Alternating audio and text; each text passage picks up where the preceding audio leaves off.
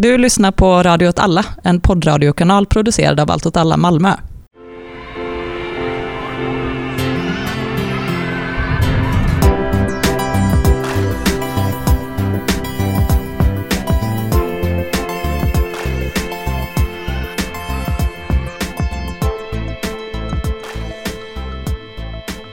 Hej, du lyssnar på Radio åt alla. Det här är ett avsnitt av uppdatering. Jag tror det är avsnitt 6. Jag heter Kalle. Jag sitter här med två representanter från Gigwatch. Eh, Och vad heter ni?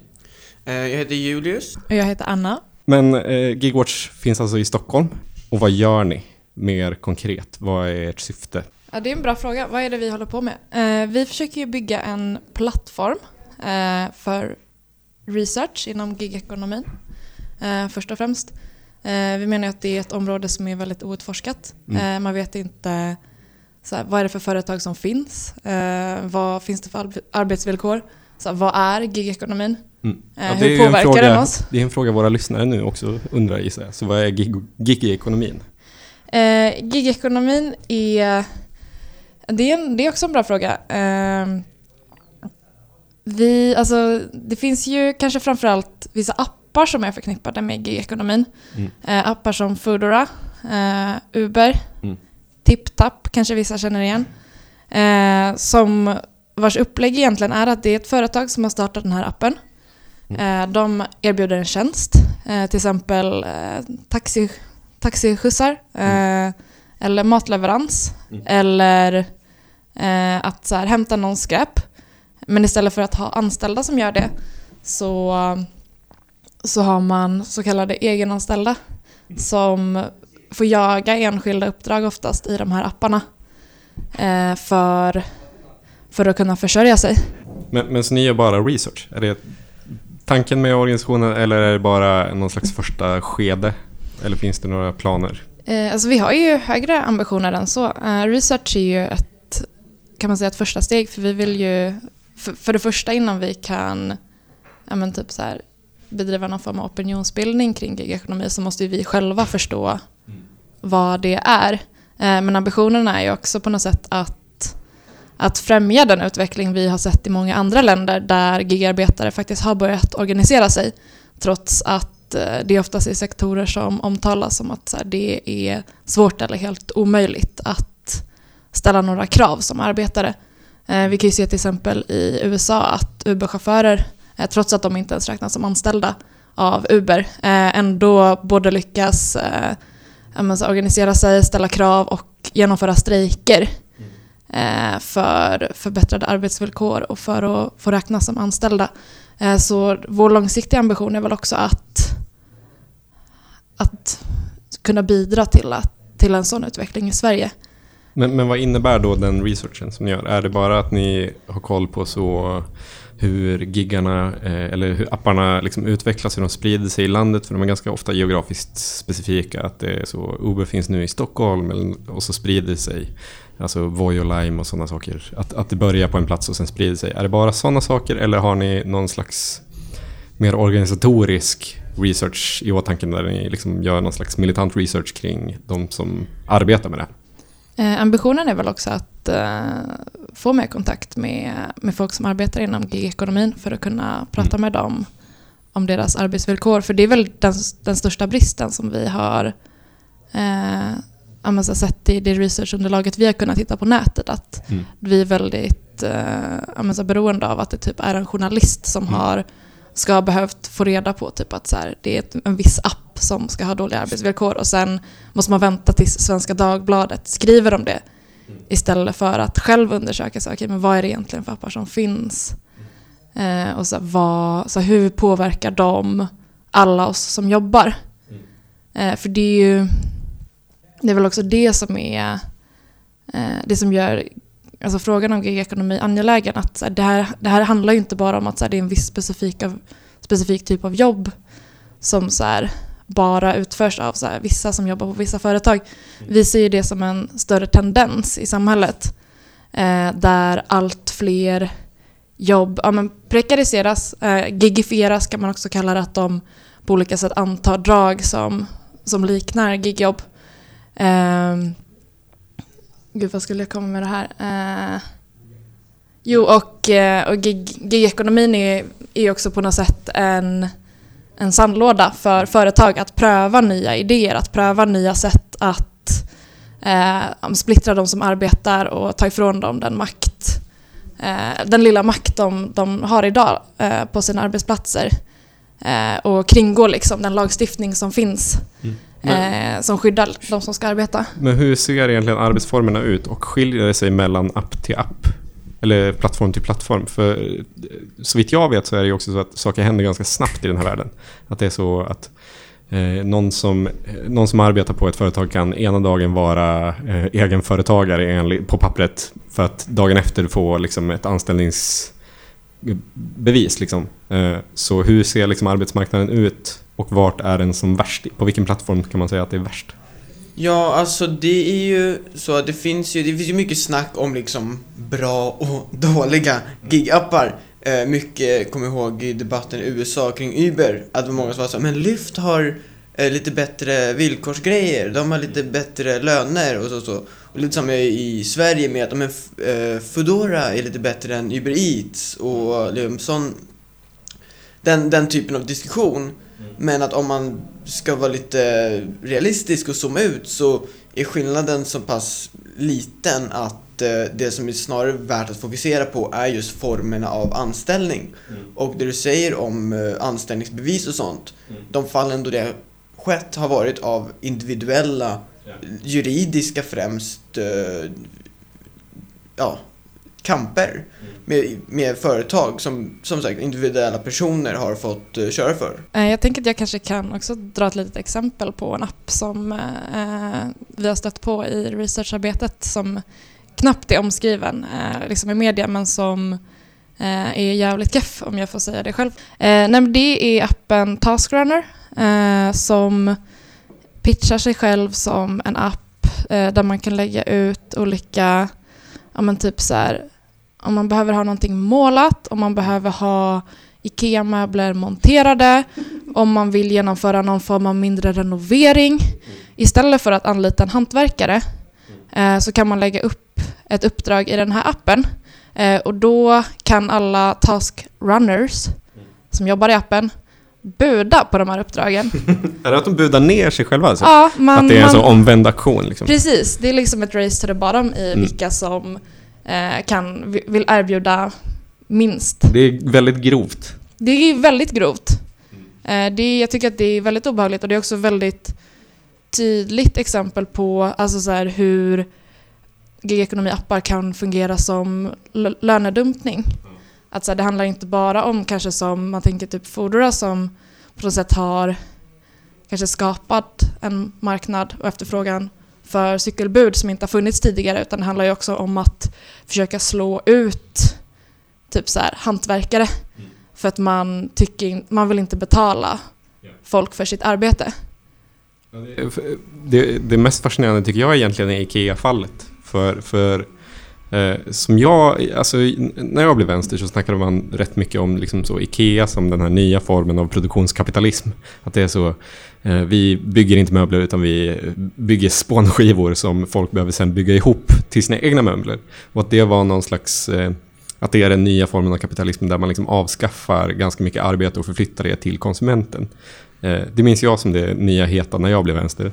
Eh, men nu är det alltså så att man köper spånskivor som man ska bygga ihop själv, men sen anställer någon. Hur, hur mycket betalar man för att rigga en så billigshylla? Det är som sagt, alltså vad det kostar, det är ju som, som vi sa tidigare, race to the bottom. Eh, och eh, Men då blir det väl också så att ju fler som använder den, desto lägre kommer också priset bli. Blir väl den logiska slutsatsen för det. ja men precis. Ja. Eh, utbud och efterfrågan. Ja, exakt. Och det har man väl sett ganska tydligt till exempel TipTap att i och med att den appen har blivit mer populär så har Mm. eh, betalningen för, för uppdragen sjunkit till botten. Mm. Eh, jag tyckte att det, det var intressant att du tog upp just det här med IKEA. Mm. Eh, för IKEA har ju köpt TaskRabbit Jaha, som är en Det är så många lager. det är, man, man, man kan väl säga att det är som en amerikansk variant av Taskrunner. Ja. De har ganska mycket samma koncept. Det finns inte i Sverige, men Ja. det är liksom också en app där ja, så här, det är egenanställda som eh, så ska montera ens eh, IKEA-möbler. eh, snarare än att man gör det själv. Det är också lite som att IKEA börjar liksom branscha ut till resten av livet. Eh, Att, att, eh, att de börjat äga fler sektorer i liksom, produktionsprocessen. Att hela värdeskapande kedjan ligger i Ikeas händer. Liksom. Mm, så är det ju. Som ni beskriver det nu så är det ju egentligen inte någonting som är så jävla nytt. Alltså egentligen så... Folk har ju för evigt satt upp eh, annonser på anslagstavlor eh, för att vara så, jag behöver någon som fixar det här. Det, det är liksom 1800-talskapitalism liksom. Eh, folk har ju också på Blocket haft jobb liksom. Craigslist är väldigt stort i USA fortfarande. Eh, men det är ändå någonting som är annorlunda med det. Alltså vad, vad är skillnaden mellan det här och liksom den annon, så annonsbrädekapitalismen? Som, Ja, alltså det stora grejen är ju själva mellanhandskonceptet. Alltså Jepster, som det var stor kampanj kring med Nopester-kampanjen. Eh, den, alltså Jepster framförde sig själva i princip som en anslagstavla på nätet. Trots att Jepster då eh, hade koll på arbetet, hade kontakt med både arbetsköpare och arbetstagare eh, och, eh, och tog ju då en, en procent av eh, det utförda arbetets lön. Eh, så att det är ju egentligen bara som den ganska liksom, uråldriga former av kapitalismens framväxt att man sätter en prislapp på någonting som tidigare inte hade en prislapp. Att eh, det finns pengar i sån här typ av småjobb eh, men det här är någonting som för nuläget bara är utbyte mellan människor. Då ser vi till att ja, ta en del av den marknaden, göra det till en mer centralt styrd marknad av företag och investerare. Ja men precis, alltså det, det, den intressanta skillnaden är väl just, alltså, som du sa, den här eh, mellanhanden eh, som framkom att, och i, i de situationerna blir det också väldigt svårt att veta vem som egentligen ska räknas som arbetsköpare.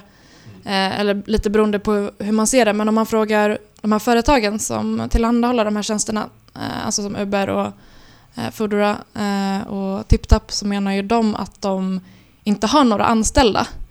Alltså Uber, Uber menar ju själva, de är inget taxibolag. Eh, och TipTap eh, är ingen sophämtningstjänst. Det är en plattform för annonser där sop, sophavare kan, kan annonsera för att möta sophämtare. men, Eh. men, eh, så deras retorik kring det är typ att man eh, som sophämtare betalar en avgift för att finnas på deras annonssida. Fast att den avgiften dras först när lönen kommer in istället för det omvända. Ja, alltså det är inte en fast avgift utan det är en procentuell avgift. Så det är Ja. egentligen en, en, eh, en andel av ens Det- arbete liksom som...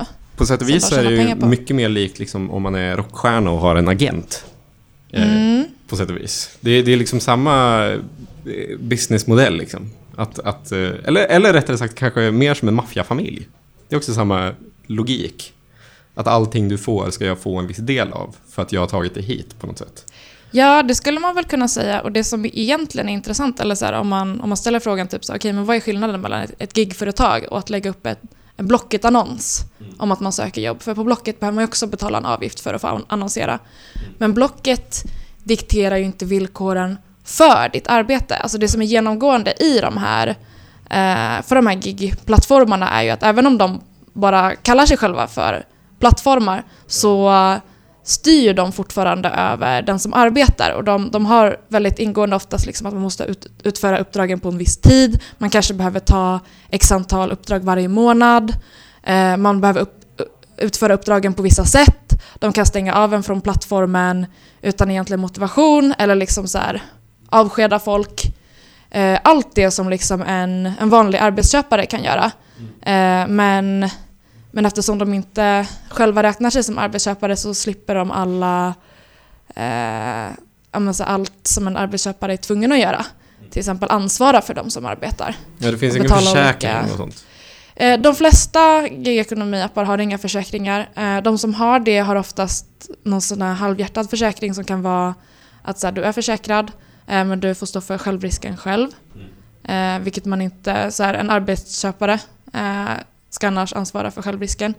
Eh, till exempel på appen Jepster så är man försäkrad. Eh, du kanske jobbar för 85 kronor i timmen där.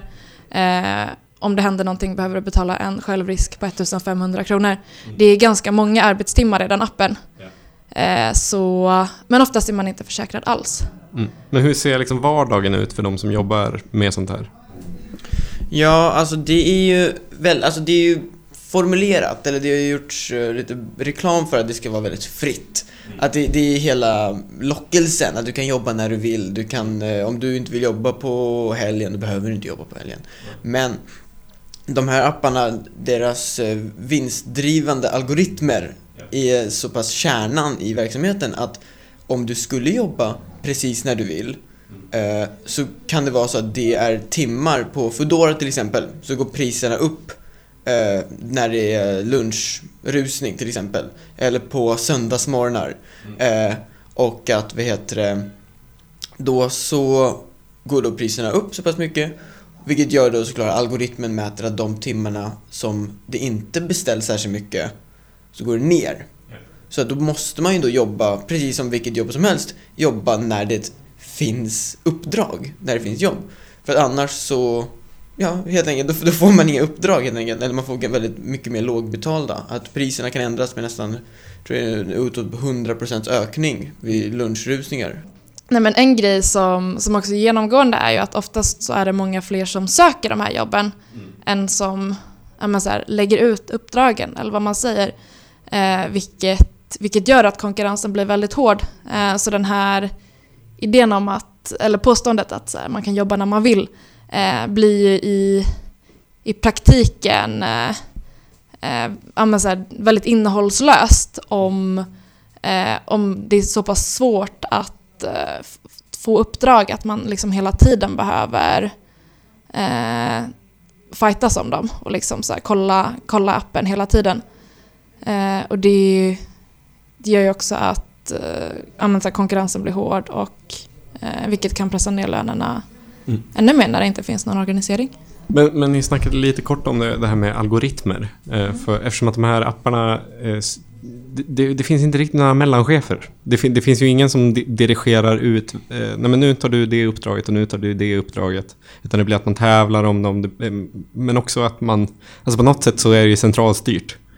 Men, men, men det styrs algoritmiskt. Hur, hur ser den processen ut? Ja, alltså när många pratar om algoritmer så pratar man ju om det som det är någon form av naturkraft eller någonting Mm. och att det bara, det är bara så det är. Men de här algoritmerna har ju byggts av företagen för att egentligen göra, göra det lättare, minska arbetsbördan för cheferna och IT-människorna så att algoritmen egentligen dirigerar arbeten då Mm. åt, åt dem. Eh, och det ser ju ut eh, på sätt som att eh, arbetare som, är, som får dåliga betyg, för det är också någonting som är väldigt gemensamt i alla, i princip, gig-appar, är då betygssättningen. Mm. Eh, som är, är en väldigt stor del av Uber och som är på Foodora och alla de apparna. Eh, och då så är det väldigt vanligt att arbetare med låga betyg eh, blir mindre prioriterade i, liksom när man egentligen, när algoritmen väljer ut en arbetare. Mm. Att eftersom appen vill göra ett gott intryck eh, så skickar de de med högst betyg. Ja men på Foodora till exempel, då är det inte som att man väljer en, ett bud. Mm. Utan då står det bara, ja men den och den där är på väg med maten.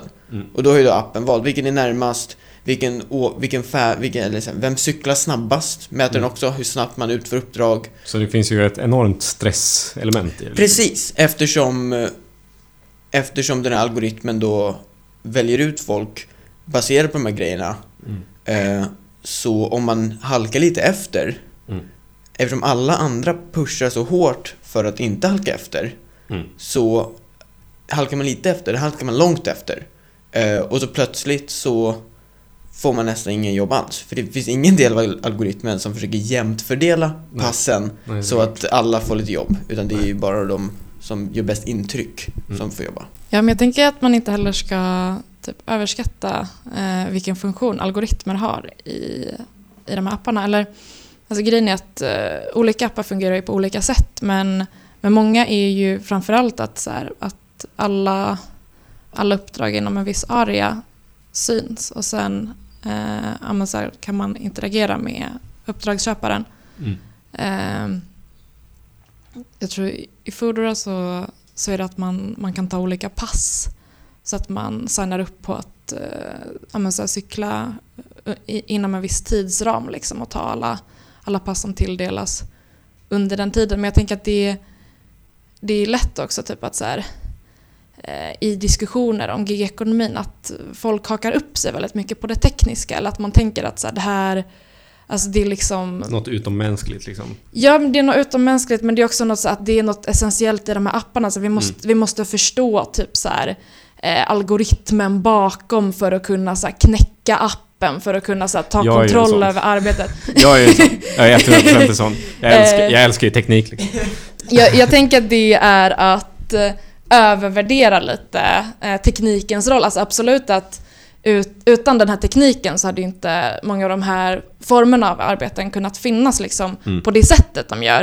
Eh, men jag, jag, jag tror inte att men så här, det finns så mycket konstruktivt att hämta i att liksom grotta ner sig allt för mycket i själva appens alltså så här, funktioner rent, men så här, att försöka men så hitta liksom så hur den är programmerad. Typ. Eh, vi har ju också en del erfarenhet av det, just det här med att ta fighten i appen versus ta fighten utanför eh, inom ja, men så olika tidigare projekt eh, kopplade till gigekonomin som, eh, som bland annat jag har varit invol- involverad i så har vi ju experimenterat en del med vad man kan göra eh, med möjligheten att vem som helst kan regga ett konto och signa upp liksom i, i de här apparna i princip utan kontroll.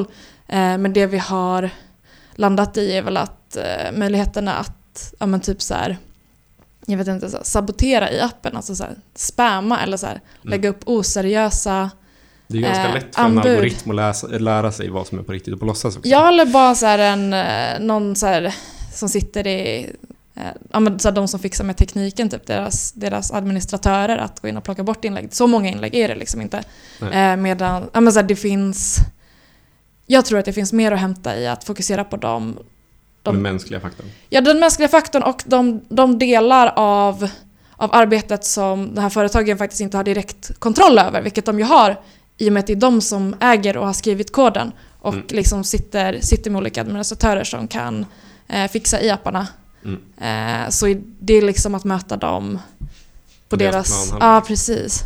Men, men eh, jag har lite olika frågor, men jag tänker att den jag är mest intresserad av just nu är vilka, vilka företag är det här? Hur ägs de? Hur stora är de? Går de med vinst överhuvudtaget? För det är ju väldigt sällan så här eh, företag, för de här gig-apparna, väldigt mycket av dem, det de gör verkar vara att bara försöka vinna marknadsandelar och bara göra sig själva till en monopolpart. Alltså typ Voi och Lime har vi pratat mycket om i en annan podd eh, i Radio alla. Och, det- och det vi upptäckt där är ju att de går med förlust liksom. Det, det, det är det enda de gör, det är att de försöker vinna marknadsandelar. Ja, precis. Alltså de går ju med förlust. Eh, och eh, det, som du säger, de försöker vinna marknadsandelar och de håller sig bara uppe av egentligen hypen kring gigekonomin i den finansiella sektorn. Att det, det är de investerarna som håller hela den här ändå väldigt stora sektorn vid liv. Mm. Eh, och eh, de som äger de här företagen är ju oftast mycket oklara än vad det verkar. Till exempel eh, Foodora Eh, och som också, eller en, en, ett bättre exempel är eh, online-pizza. Eh, som har kopplingar till ett företag som heter hungrig.se. Eh, som har kopplingar till företag som heter Food Hero. Som är kopplad till ett typ såhär... En kartell! Som är kopplat, ja, men det, det blir bara lager på lager på lager. Så det är kopplat till liksom en tysk typ såhär IT startup kollektiv som är typ såhär Rocket Hero eller något sånt. Och, Bra namn. Och det, och det ägs ju av typ såhär Game, eh, Game Super, eller något såhär superdåligt namn i Malta då såklart. Ja, nice. Eh, så att, eh, varav liksom ägaren av det företaget är ju typ såhär vice ekonomichef på den här Rocket Hero och sånt. Mm. Eller så här, bara, det knyter in sig på sig självt och det är så Mm. uppenbart bara vagt gällande vad som egentligen går till. Mm. Eh, men de har ju försökt att liksom få fram den här bilden av att de är, liksom, de är unga entreprenörer Mm. eh, som ser att det behöver, det behöver skakas upp saker på arbetsmarknaden. Att det har Mm. stagnerat för mycket och att det, det, blir, för, det blir för mossigt. Mm. Eh, och den bilden är ju rätt enhälligt falsk om man tar Mm. bara Jepser också. Eh, Jakob Rudbeck är då VDn för Jepser. Mm. Eh, och han, han har skrivit mycket på sin LinkedIn till exempel om liksom hans företagsamhet och han klippte gräsmattan till sina grannar. Och sen så klippte han gräsmattan till sin granne eh, Stena miljardären, eh, Ja, da, nice. Dan Stena. Eh, som då i princip har sponsrat hela Jepster-grejen Ja. med sina kompisar Blackrock, det här Det, investerarbolaget. det är fascinerande att han försöker köra en sån eh, started from the bottom eh, historia när det är, du var alltså granne till en av Sveriges rikaste män. Det är inte botten, gubben. Men han vet ju ändå hur det är att jobba i gigekonomin eftersom han har klippt gräset Åt en av Sveriges rikaste män. åt en av Sveriges rikaste män. Eh, nej men alltså jag tänker att det som också är viktigt att ha i huvudet när man pratar om gigekonomin är ju att så här, det här är ju ett begrepp som har skapats för att sälja en idé. Mm. Alltså anledningen till att så här, helt plötsligt börjar folk prata om gigekonomi från början i väldigt positiva ordalag eh, är ju att eh, man, vill, man vill pitcha de här osäkra anställningarna som någonting nytt Mm. som någonting fräscht, som så här något, någonting modernt och urbant. Eh, som liksom eh, menar, så här, unga människor eh, ska anamma och liksom så här, ta till sig. Eh, att så här, de här sätten att jobba på är, är menar, så här, frigörande och flexibla. Eh, och det är också lite därför vi har känt att vi behövt närma oss det här begreppet. Eh, istället för att bara prata om liksom, prekära eller osäkra anställningar att eh, dels för att så här, bemöta det men också för att faktiskt ta tillfälle att eh, gå in på en arena eh, i en diskussion kring ett begrepp som faktiskt inte är särskilt etablerat. Eh, vad det är, om det har en positiv eller negativ laddning eh, och så här, är det bra för samhället eller inte? Att, så här, att vi, vi då vill gå in och granska så här, vad är det egentligen som ligger bakom de här påståendena Mm. som är knutna till gigekonomi-pitchen. Eh, hur kan vi förstå dem? Men, men hur, har- hur ser ryktet ut för de här företagen? För man lever ju rätt mycket i en vänsterbubbla liksom, där alla hatar dem. Eh, Men det känns också lite som att samhället i stort hatar dem, men ändå av någon anledning så finns de kvar. Liksom. Hur, hur ser opinionen ut? För det är, eh, det är mycket att ni jobbar opinionsbildande och liksom försöker, försöker twista en berättelse och förändra begrepp och så vidare. Men hur, hur ser kriget om eh, begreppen ut? Liksom? Ja, alltså, jag tänker att just nu så eh, rör det sig ändå i rätt riktning. Eh, och så här, jag vill väl cre- credda oss för det, eh, för så här, det är kul typ, att så här, bidra till någonting bra. Men jag tänker Man ska också, alltid ta segern, alltså som om det var en seger. Ja. Alltid. Eh, vi, vi är en del av, av de som gör rätt. Eh, men, eh, eller jag tänker att man kan ju se, alltså så ganska simultant med att vi började engagera oss kring Mm. den här frågan så, så dök det ju upp väldigt mycket olika reportage ja, men så här, i stora dagstidningar Mm. eh, där man gick in och undersökte olika app- appar. Eh, och så här, ja, men typ upptäckte Mm. att så här, oj, det var ju väldigt dåliga arbetsvillkor. Det här med Mm. att det bara är någon som så här, dyker upp och hämtar en sopor för inga pengar alls. Den här personen som gör det kanske typ blir utnyttjad på arbetet. Mm. Och det här med att så här, någon laddar Voi sparkcyklar liksom. Så det kanske Mm. inte heller är någon som har det så jävla gött när det händer. Så jag skulle ändå säga att ja, men sen när vi började prata om gig-ekonomi för kanske vad blir det, ett och ett halvt år sedan snart. Eh, då var det inte en, en, en, en enda person typ som visste vad, vi, vad det var för någonting. Nej. Eh, de enda som, ja, men sen när vi sökte på det liksom, för vi, vi ville försöka, ja, men så här, Ni göra en använder en annan algoritm, Google. vi använde en annan algoritm för att försöka ta reda på vad fan det var innan vi började eh, så här, engagera oss kring ämnet. Då var det ju liksom så här Timbro-artiklarna, Mm. Dagens Industri, de här Fredrik som- Hjelm från Voi som bara säger att eh, han ska återskapa staden i sin egen avbild. Liksom. Ja men så olika, olika coola teknikreportage liksom om de här nya fräscha startupsen som kommer revolutionera arbetsmarknaden till det bättre Mm. eh, utan kritiska frågor. Idag tänker jag att eh, den allmänna diskussionen i en Mm. annan.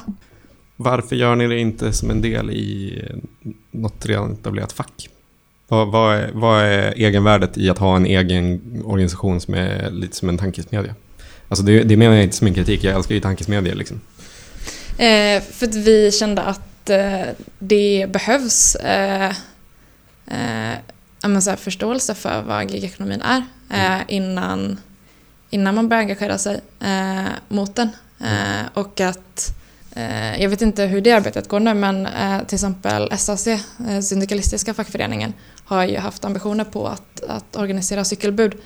Ehm, och att förhoppningsvis eh, så kan ju sådana saker gå hand i hand. Eh, men det vi kände framförallt var väl att om vi, om vi ska få någonting sagt eh, i ett medielandskap som är väldigt ja, men så här, fokuserat på företagen, att liksom det, det är deras, deras kanaler utåt, så behöver vi ha en egen plattform där vi kan problematisera gigekonomin på, på våra egna villkor.